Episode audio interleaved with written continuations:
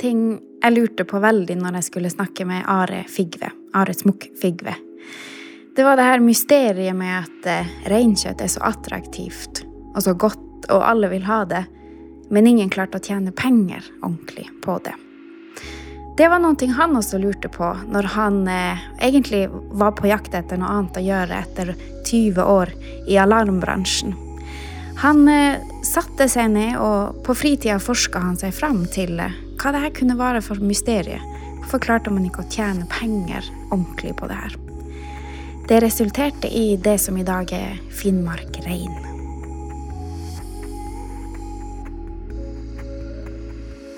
Eh, hvordan er det med deg, da? Nei, vi er en tøff sesong. Det, dessverre så sliter jo reinen mer, mer, enn oss. Men, eh, eller akkurat nå har den vel ikke så verst, men eh, dessverre så har vi jo en, hatt en veldig tøff vår.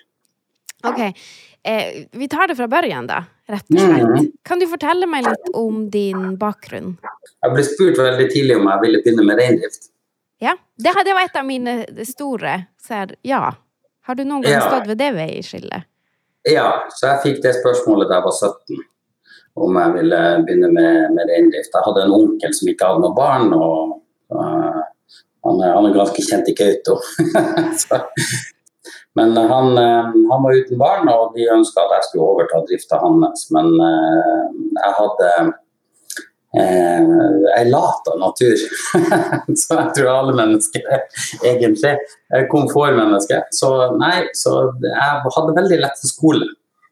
Og, og, tenkte at eh, liksom, skole var så mye lettere enn de harde jobbinga på fjellet. Så, så, jeg sa nei, jeg vil gå skole. Så jeg dro på Handelshøyskolen istedenfor å begynne med reindrift. Mm.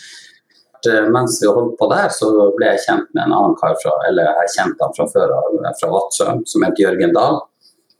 Eh, så mens vi studerte, så hadde han en idé om at vi skulle begynne å selge Vi gikk og banka dør og solgte sikkerhetslåser. sånn ekstra låser i dørene på, rundt Oslo. Og så, så det var liksom kveldsjobbing, at vi solgte Når vi var ferdig på skolen, heiv vi mappa under armen, kjørte opp i, på Hellerud, Åsen eller eh, Nordstrand og gikk rundt og banka dør. og spurte om folk ikke burde ha en ekstra lås i døra fordi det var så mye innbrudd og alt mulig sånn. Gjerne, gjerne var, var, vi der eh, hvis vi hørte at det hadde vært innbrudd i området, så var vi på, på trappene. Så ene, den enes død, den andres brød. Så, ehm, så, eh, han hadde en idé om at vi skulle gjøre noe mer. Det var som, så begynte folk etter hvert å spørre om alarmer. Og ja, men dere har låser og sånn, har dere ikke alarmsystem? Så da ble det til at vi starta. Aktiv Alarm het vi da, i 95. Og så et par år senere endra vi navn til Sektoralarm. Og så ble jo det egentlig en nesten 20 år reise for min del, da. Mm. 20 år, 600 ansatte og 400 millioner omsetning. Noe sånt? Ja, altså vi, da, da, jeg forlot, så var vi vel litt nærmere 3000 ansatte. Og det vel, var, jeg tror vi var på en milliard i omsetning da. Og nå er det vel, jeg vet ikke, vi var oppe i 15 000, men nå har vi nedskalert, for vi har solgt ut. Jeg sier fortsatt vi, da. Eh, nå har jeg solgt meg helt ut i Men jeg satt som aksjonær helt frem til i fjor, forfjor. Ja. Så, så, kom et av verdens største oppkjøpsselskap. Nå er vel verdien jeg vet ikke, 20 milliarder, og Jørgen sitter på 10 milliarder av det, så han er vel en av Norges topp ti rikeste snart. Så, så, så du har, og, og har, Skulle du ikke ha solgt deg ut derfra, eller? Nei, det var et ønske jeg hadde egentlig når jeg dro. Altså, storyen på hvorfor jeg drar er egentlig litt kombinert. Jeg hadde vært 17. Eh, mai 2011 så var jeg her oppe i Finnmark. Og sykt fint vær. Så ble jeg med onkelen min på fjellet. Da hadde vi akkurat flytta flokken over på Varangerhalvøya på sommerbeite. Eh, og det er jo kald vind. Eh, så jeg husker vi kjørte, vi kjørte rundt, og det var liksom T-skjorte hver. Du sitter på scooteren i T-skjorte, og det var liksom og jeg bare tenkte ah, det her er jo drømmen. Alle vil jo være godværsidrettsutøvere, ikke sant. Så, eh, så, eh, så, kjører vi og le, le, egentlig leter etter flokken. Og så pga. at det er så varmt, jeg tror det var nesten 20 varmegrader, det var helt, men det var jo vi to meter snø midt inne på halvøya. Så ble det sånn, eh, sånn, sånn uh, tåke, dis, pga. sneen ble jo varma. Så, så vi kjørte inn i en tåke. Eh, og, og, jeg klarte ikke å finne Og så var det sånn slak nedoverbakke, så ble, begynte det å gå oppover og nedover. oppover. Jeg kjørte rundt i den tåka, og så plutselig fant jeg sporene hans. Så begynte jeg å følge det. Og da plutselig så ser jeg at sporet går inn bak en svær stein. Og så kjører jeg ned, og bak den steinen der, der sitter onkelen min. Og han er, han er en sånn der onkel som alle, rein, alle som er vokst opp i reindrifta, har en sånn onkel. Han er den du, det, du syns er den verdens tøffeste, hardeste Kan være ute i all slags vær og overlever absolutt alt. Så den type onkel. da. Og så treffer jeg han, og så er, så er jeg så glad for å se ham. Så jeg bare liksom Ja, å, faen, endelig jeg fant deg, liksom. Titter over på han. Så ser jeg at han sitter og gråter. Og aldri sett han gråte. Så jeg bare liksom Hva i all verden er det her? Og så ser jeg hvor han ser, og så snur jeg meg. Da ser jeg liksom utover dalen. som vi, vi Da tåka letna, så vi ser nedover en dal. Og og da er sneen smelta, så det er masse barflekker rundt omkring. På alle barflekkene så er det simler som kalver. Mm. Og, um, og, det liksom Og da, da var det skjønt at, at uh, her er noe mer uh, for, min, for, min, egen del. Fordi liksom når jeg så den, den uh, for, for, hans del så var det jo som om han satt og så på jeg å si, Det var jo som kona fødte. For det var liksom den følelsen jeg hadde. Han satt og gråt for at Og det var det jeg skjønte plutselig hvorfor han gråt. For han gråt fordi at han var glad. Mm. At uh, vi har greid det i år igjen. Vi kom frem. Mm. Um, og, det var, og det var når jeg fikk den følelsen, så, så dro jeg derifra. Jeg dro ned til Spania. Uh, satt på toget mellom Madrid og, og og Malaga og skulle ned og jobbe på kundeservice der. Jeg hadde ansvaret for å bygge opp et felles kundeservice for hele Europa i Spania. Og Så sitter jeg på toget og så sitter jeg med en bok, og så i den boka så står det 'You shall do what you are passionate about'. Og da Den setninga sto sånn ut, og så tenkte jeg liksom OK, er, hvor er min passion? Og så, ok, Da hadde jeg liksom 18 år bak meg med å jobbe med den alarmboksen.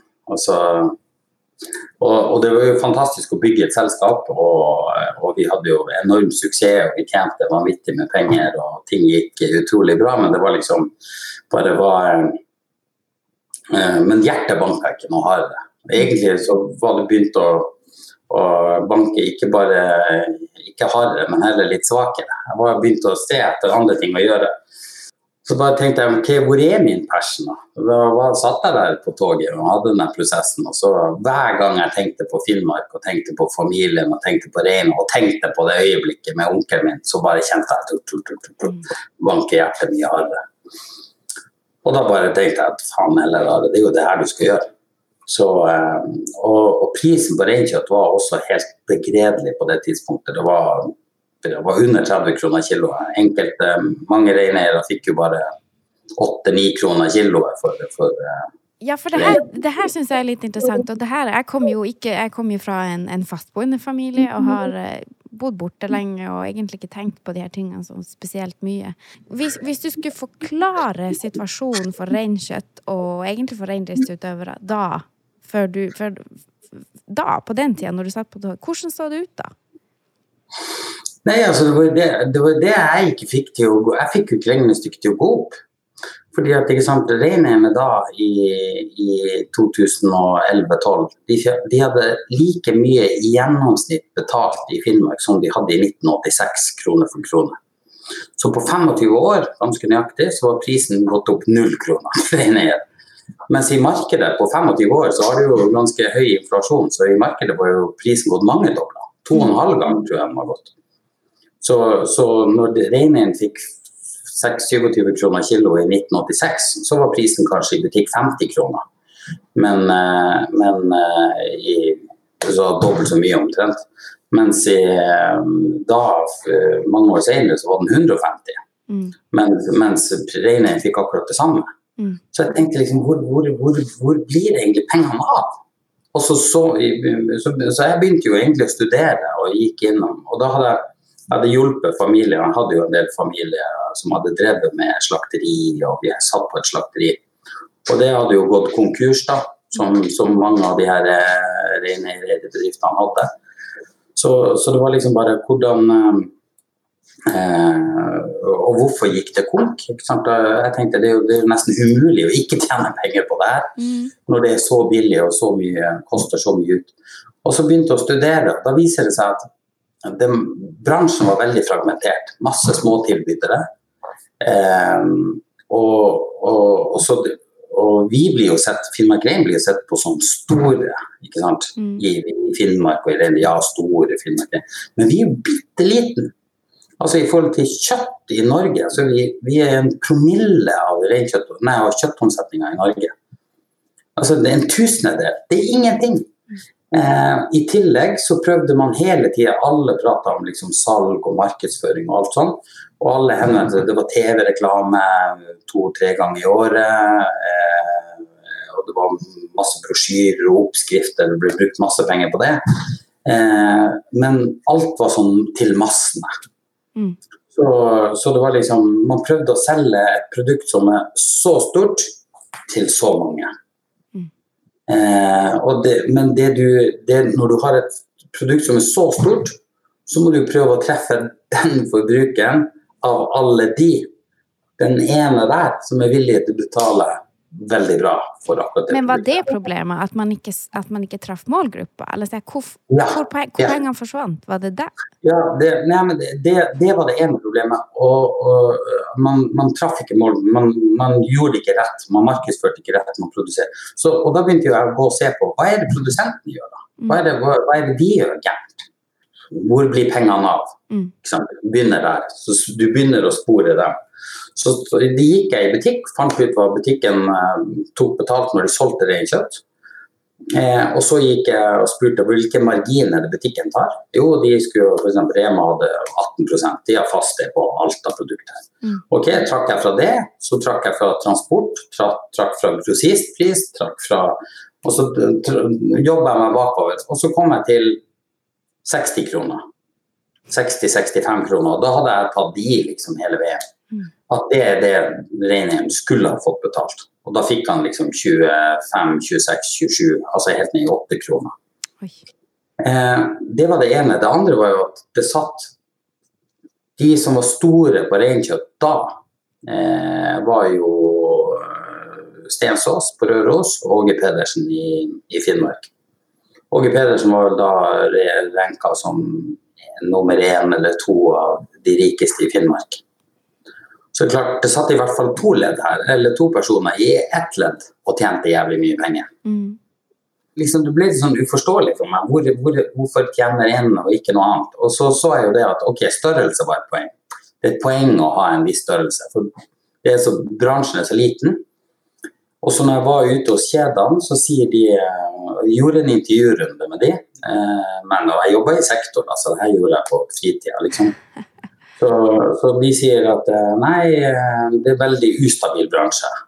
Eh, det kommer og går. Det, vi får reinkjøtt det ene året, neste år får vi ikke. Eller vi får den ene måneden, og neste måned får vi ikke. Og, og, og sånne ting. Og i det bransjen hele tida de sa at når, når, de spør de oppe i Finnmark for eksempel, som skal levere der, så sier de bare at nei, men det her handler om, eh, det her handler om at vi har, har uh, lever i pakt med naturen. Så plutselig har vi rein, så har vi ikke rein. Mm. Men jeg så jo det at problemet i den ustabile leveringa var jo at reineierne hopper og danser. I et sted så, altså, Hvis en betalte én krone mer, så for de dit. Mm. Hvis en betalte én krone mer, så for de dit. Og, og, og det reineierne ikke ser, det er at det da satt tre stykker i Finnmark f.eks. alene eh, som fikk kjøtt eller fikk ikke kjøtt, og så snudde de seg, og så skulle de ned og så få en avtale med, med en kjede. Men eh, kjedeforhandlingene de skjer stort sett ett år i forkant. Mm. Sånn at eh, du, du, du, sitter ett år før, eh, eller sånn som nå. Jeg var nettopp i kjedeforhandling for neste høst. Mm. Eh, så jeg sitter da nå og selger inn reinkjøtt til neste høst. Og de er jo alltid altså, Jeg satt jo der plutselig med innkjøpssjefen her for et par år siden i, i Norgesgruppen som kjøper inn for ja, et par hundre milliarder. Han er vel den innkjøpssjefen i Norge med størst makt. Mm.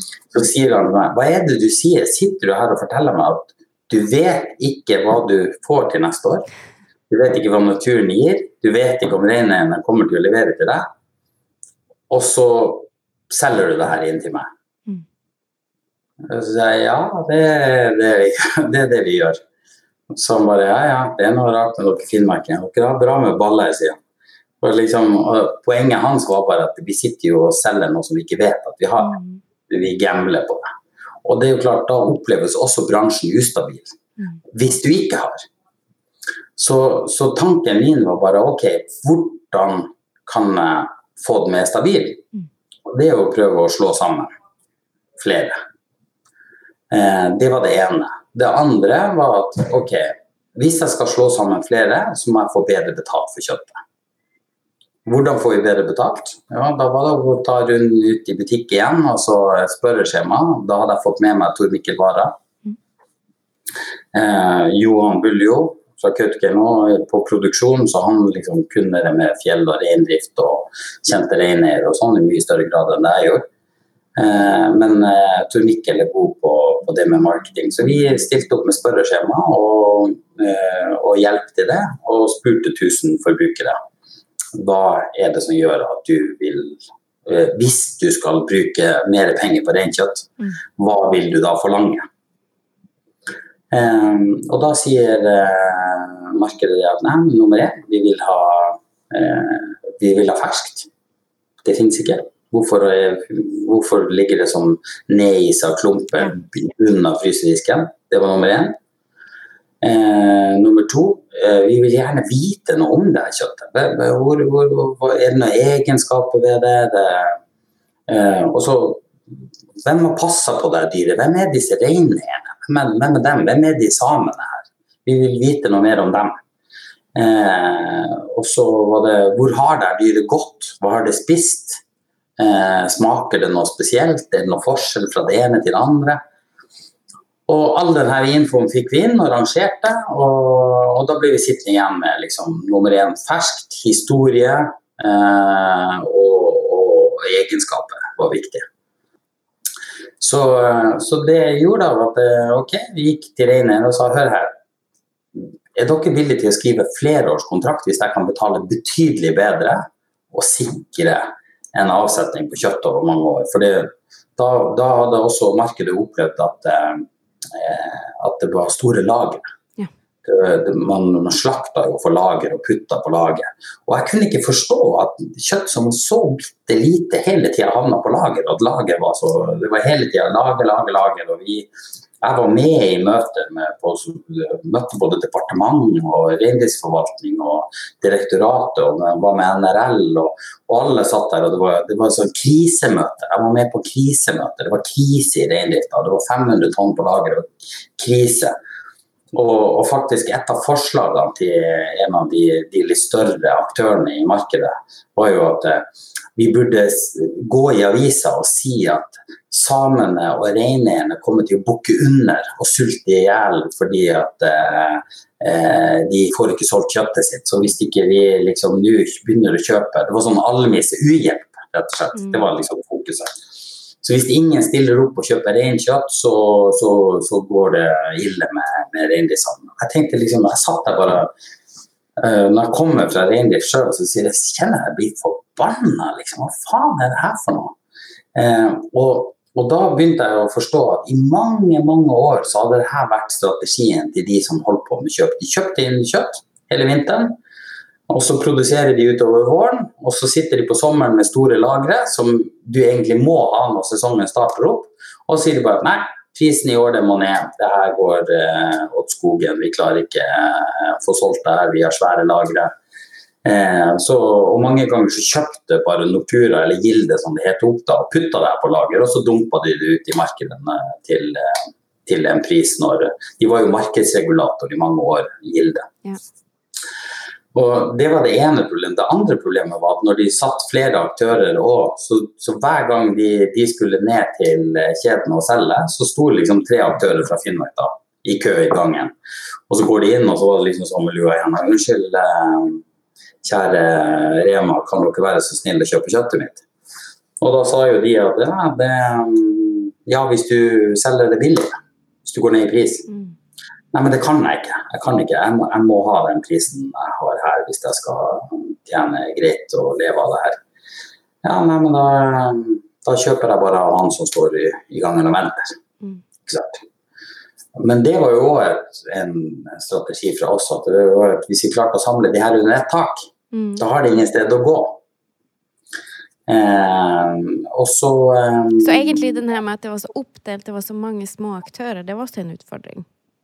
Ja, det er en bakdel. Og det er jo en sånn stor misforståelse i reindrifta. I reindrifta tror man i dag i dag at det er bedre med, med flere aktører for å presse prisen opp på kjøp av reinkjøtt. Men det du Ja, det, men det er den berømte tiss i buksa. Ja, det er bra akkurat der og da hvis du klarer å skape en desperasjon og de byr over hverandre for å få tak i reinkjøtt. Men eh, hva betyr det neste år? Jo, det er jo at det plutselig sitter en aktør som mister avtalen sin fordi at han ikke eh, klarer å levere. Mm. Så men, dere, men, dere gjorde, ja. Sorry. Mm, ja, nei, nei, men altså, kontrakter med at dere kunne sikre, når du sitter der i møte med Norgesgruppen, altså ja ja, vi mm. har neste år, for du vet, nå vet du det kanskje? Du... Ja, og det, ja, og det var det, det, som ble poenget. da. Ok, vi hadde klart å få laga den merkevaren de ville ha, og de sa ja, vi er villige til å betale mer hvis du kommer med langsiktige avtaler. Vi er villige til å betale mer hvis du eh, kommer med fersk. Vi er villige til å betale mer hvis du gjør noe mer med produktet, at du kommer med en annen produkt. Mm. Og, så, og, da var det liksom I mange år så hadde jo liksom eh, de som var aktører, de hadde prøvd å de, Mange tror at det å lage et nytt produkt er design. Mm. Så, så liksom, som veldig mange aktører hadde Og de hadde så nye, fine pakninger. Men problemet når jeg kom til, eh, til kjeden og sa at ja, men altså, hvis jeg skulle gjøre det, da, så, så liksom OK, her er, eh, her er, her er produktet mitt. Ikke sant? Og så neste år så kommer jeg med akkurat det samme, bare at nå er det pakka inn i cellofan med sløyfe på. Her er produktet mitt. Og så sier de ja, men det er jo same shit, new wrapping. Mm. Og det var det som var problemet. At OK, vi skjønte at vi måtte ha new shit, new wrapping. Og Kan du fortelle litt om situasjonen i dag, da? Så når vi kom inn, så kunne vi legge igjen, og plutselig ble alene, så la vi om en strategi for at vi skulle øke prisen hvert år. Noe vi har gjort fra 2014 til i dag. Så nå er det jo nesten tredobla prisen til det ene. Ja, for din tanke var også fra børjan at de skulle få bedre betalt? Helt klart. fordi at den, en, når, når, jeg så en normal reindriftsutøverfamilie måtte jo jo satt med liksom 200 000 kroner i inntekter og like mye tilskudd og da var det så vidt hjula gikk rundt. Ofte var tilskuddet, utgjorde tilskuddet mer enn inntekten fra rein. Og, og, sånn er det jo i mye landbruksnæring. Men jeg tenkte at eh, hvis reindrifta skal ha en plass i Finnmark, hvis vi skal ha noe å si, så må vi være lønnsomme. Hvis, hvis, hvis, det skal være sånn at folk bryr seg hvis det går dårlig? Helt riktig. helt riktig. Vi kan ikke, enten så, så, så valget var egentlig liksom det, det, det vi satt og så, var jo at ok, valget er å gjøre reindrift, eh, reindrift og, og reinkjøtt eksklusivt og lønnsomt. Mm. Eller så ender vi opp som en gallionsfigur. Da kan vi ha noen hundre stå, reinstående litt sånn her og der som turistene kan se og ta bilder av. og sånn. For det, mm. da er det det som blir fremtida. Mm. Vi har jo ganske mange mm, institusjoner i Sápmi. Eh, mm. Vi er jo heldige på den måten. Jeg har bodd i Sverige mange år, der er det ikke så sterkt. Men, men, når man ser et firma som deres, som, som jo er ganske stort, og, og, store firmaer Men altså det her med å bygge et samfunn Man kommer kanskje en, en, en viss bit på veien med institusjoner, men det er jo kanskje i så her arbeidsplasser, næringsliv, det blir langvarig. Har, Tenker du noen ting på sånne der ting? Jeg syns jo det er trist. Jeg synes det er trist at eh, det, det, blir, det blir sånn de berømte tilskuddene som jeg ville til livs, egentlig. Mm. Jeg håper jo at uh, det, jeg, det jeg kan se meg, meg personlig på brystet og si, er at vi har gått fra en næring som hadde 60% subsidiering, til å være den minst subsidierte næringa innenfor landbruk i Norge i dag, altså matvareproduksjon. Ingen er mindre subsidiert enn reindrift. Blir den næringa med minst tilskudd, det er jeg stolt over. Eh, Og det tror jeg vi er helt avhengig av, fordi at den, du får en degenerering, rett og slett. Altså Reindrifta var da vi kom inn i 2010-11-12, altså det var så tilskuddsfokus. Eh, eh, og det føler jeg er blitt mye borte med, med, i de siste årene. At eh, med, når prisen utgjør 75% av inntektsgrunnlaget, mm.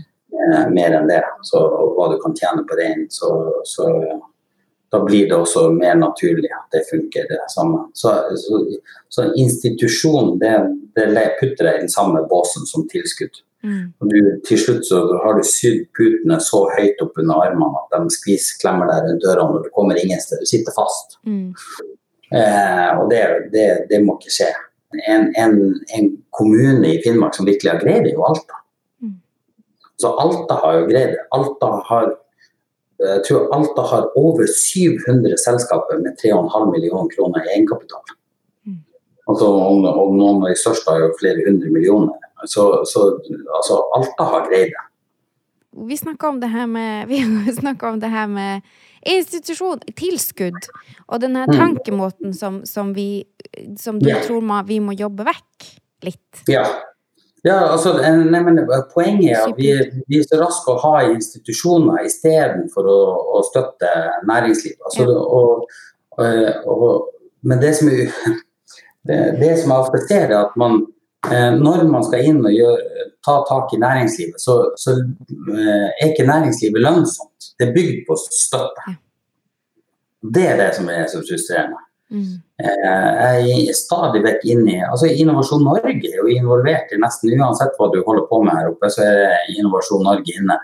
Og Innovasjon Norge, sånn som i reindrifta, med en gang noen skal starte opp i reindrifta, så får de masse tilskudd. Ah, her får du tilskudd.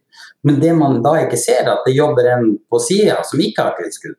Så, det, så innovasjon er med på å drepe så støtte er med på å drepe eh, muligheten for å vokse. Mm. Hvis du er tvungen til å tjene penger på det du driver med, så tjener du penger på det du driver med. Mm. og, og, det er det jeg syns er så trist. At, eh, at den, eh, vi har en sånn institusjonalisering av hele Finnmark, på en måte, og spesielt Sápmi, med at alt er basert på statlige tilskudd og ikke egen inntekt det, tar så lang tid å skrive de søknadene, og så får du pengene etterpå når alt er rapportert. Og det, da er det så mye arbeid at Du hadde like godt kunnet solgt noe for de, for den, for de pengene. ja, men det, veldig, men det, er veldig, få tenker på, som jeg mener, da, det er jo at eh, altså, Hvis jeg ser en, en, en mulighet ja, Vi sitter jo i dag og har en omsetning, vi tjener penger, men vi vet at det er en god del ting som kunne vært tatt tak i hos oss, som hadde vært kjempelønnsomt. Mm. Altså, vi, jeg kunne gitt inntekt sånn i morgen til et, en stor produksjon i Kautokeino hvis de hadde tatt tak i f.eks. blod. Mm. Altså 2,5 liter ganger 40 000, 50 000 dyr som slaktes, det er 100 000 liter blod. Mm. Som, kan, eh, som har en vanvittig etterspørsel. Og et fantastisk produkt. Det er et naturprodukt. Og, eh, og blodet til rein har egenskaper som vi har jo sendt eh, blod til, til undersøkelser. Vi sitter på forskning som er gjort på blod, som jeg ikke jeg vil ikke røpe her og nå. Men vi sitter på vanvittig mye kunnskap rundt det, mm. så, som vi er villige til å dele med de som tar tak i det. Og, og, vi kunne investert, eller vi hadde ikke trengt å investere engang. Vi kunne vært eh, bidragsyter med at den som fyrte i gang det her, fikk tak i blod billig. Men det, det, jeg hadde hatt salg på det her dag to. Men for oss, vi er bitte liten. Vi har, altså, altså vi er, mange tror vi er så store, men det å skal sitte og utvikle det her, du må ha en eh, jeg, kan, jeg får liksom ikke klona meg og Johan mer enn de, to personene. Du må søke tilskudd og få Nei, det Du heller bruke tid på det. ja, ikke sant. Hører du, nå har vi snakka så lenge. Det her var utrolig interessant. Eh, er det noen ting vi har glemt? Er det noen ting eh, du jeg tror ikke det. Jeg tror vi må ta en del to også. Mm. Men det var jo nei, nei, nei, Det som kan være kort å si, er jo liksom hva er veien videre? Ja, hva er veien videre? Ja, og jeg tror at eh, jeg tror at reinturismen kommer til å vokse. Mm. Eh, jeg tror eh, turisme knytta til det som har med reindrift, kommer, kan være en, en fantastisk mulighet. Eh, og Indre Finnmark har en unik mulighet til å ta tak i det. Men fallgruvene er nesten større enn muligheter. Så jeg tror vi eh, Tråkker vi feil, så ender vi opp med en sånn Joker Nord-figur. Eh, sittende oppe i Kautokeino og snakker polsk fordi han er ikke same engang. Mm. Som sitter der i en eller annen Hongkong-sydd samedrakt. Altså, vi havner fort Nord-Finland har gjort det. De har gjort den tappen allerede. Det er ikke jeg så nettopp en video hvor de presenterer eh, noen sånne glasslaboer som kunne fraktes rundt omkring nå. Eh, trekke rundt på scooter og bare sette opp i naturen og sånn.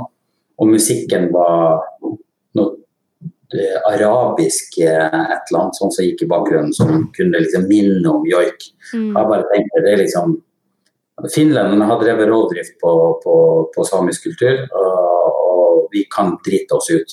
La oss ikke gjøre det, fordi at det kommer til å være så mye bedre betalt å gjøre det motsatt. Mm. Men eh, hvis veien er kort til å få penger fort, mm. eh, så, så, hvis man ikke tør å tenke langsiktig og gå litt sakte her, så, så, så, kan man tråkke skikkelig feil. Det er min, en av mine største bekymringer i forhold til, til reindrifta og fremtida. Det er at uh, den reinturismen tar overhånd og vi ender opp med å glemme at reindrift er reindrift, og så blir det bare turisme. Så blir vi Joker Nord-figurer til slutt som fôrer det her reinsdyret. Fôring er jo jeg en sterk motstander av. Ja.